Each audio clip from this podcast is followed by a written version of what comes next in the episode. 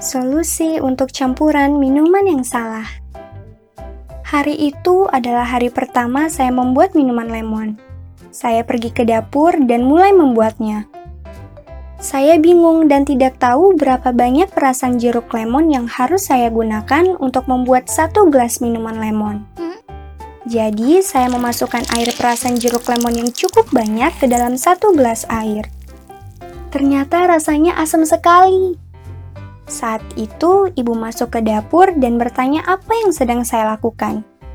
Saya menceritakan semuanya.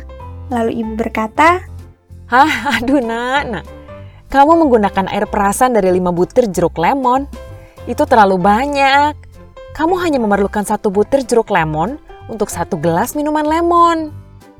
Saya terkejut dan bingung, dan rasanya tidak mungkin saya bisa mengeluarkan empat bagian air perasan jeruk lemon dari dalam gelas ini.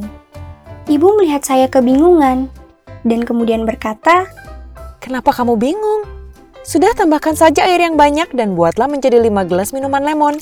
Dengan begitu rasa asam di masing-masing gelas akan berkurang dan masing-masing akan mendapatkan rasa asam yang tepat. Saya merasa lega dan kemudian melakukan apa yang dikatakan ibu. Seringkali, hal yang sama terjadi dalam hidup kita. Kita pernah melakukan kesalahan dan mungkin kesalahan itu sudah tidak bisa diperbaiki lagi. Jadi apa yang bisa kita lakukan? Satu-satunya cara adalah dengan melakukan lebih banyak kebaikan lagi untuk menebus kesalahan tersebut.